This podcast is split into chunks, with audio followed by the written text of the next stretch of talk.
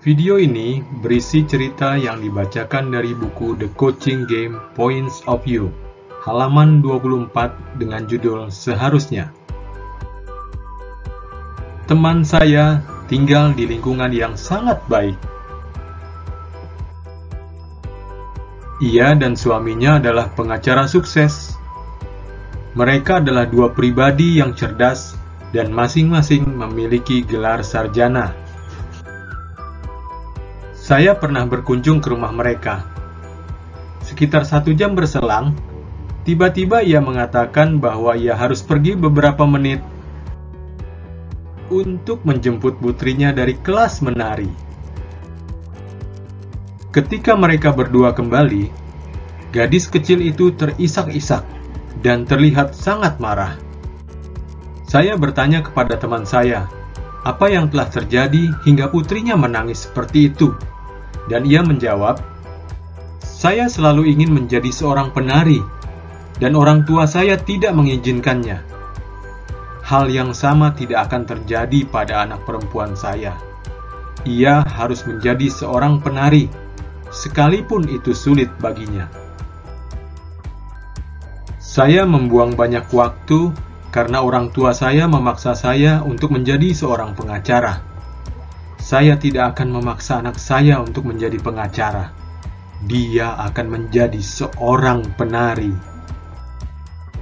Demikian akhir dari cerita ini. Kita tidak melihat hal-hal sebagaimana mereka adanya. Kita melihat mereka sebagaimana diri kita sendiri. Demikian kata pepatah.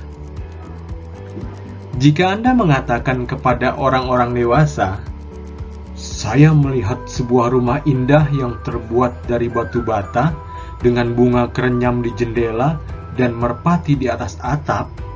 Mereka tidak akan bisa membayangkan rumah yang Anda katakan kepada mereka.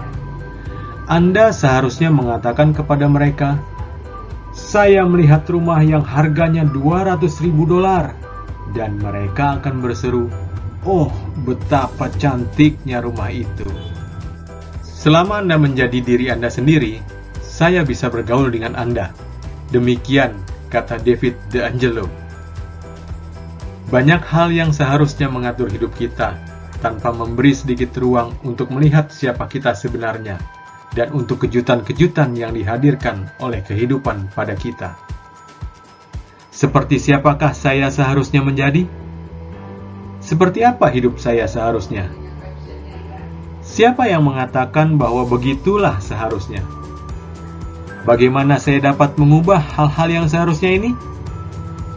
Di mana dalam hidup saya ada benturan antara apa yang seharusnya dengan apa yang ada? Ya, sebarkan ya manfaat video ini. Semoga jadi amal baik melalui tebar ilmu. Jangan lupa subscribe, share, Oke, sampai jumpa.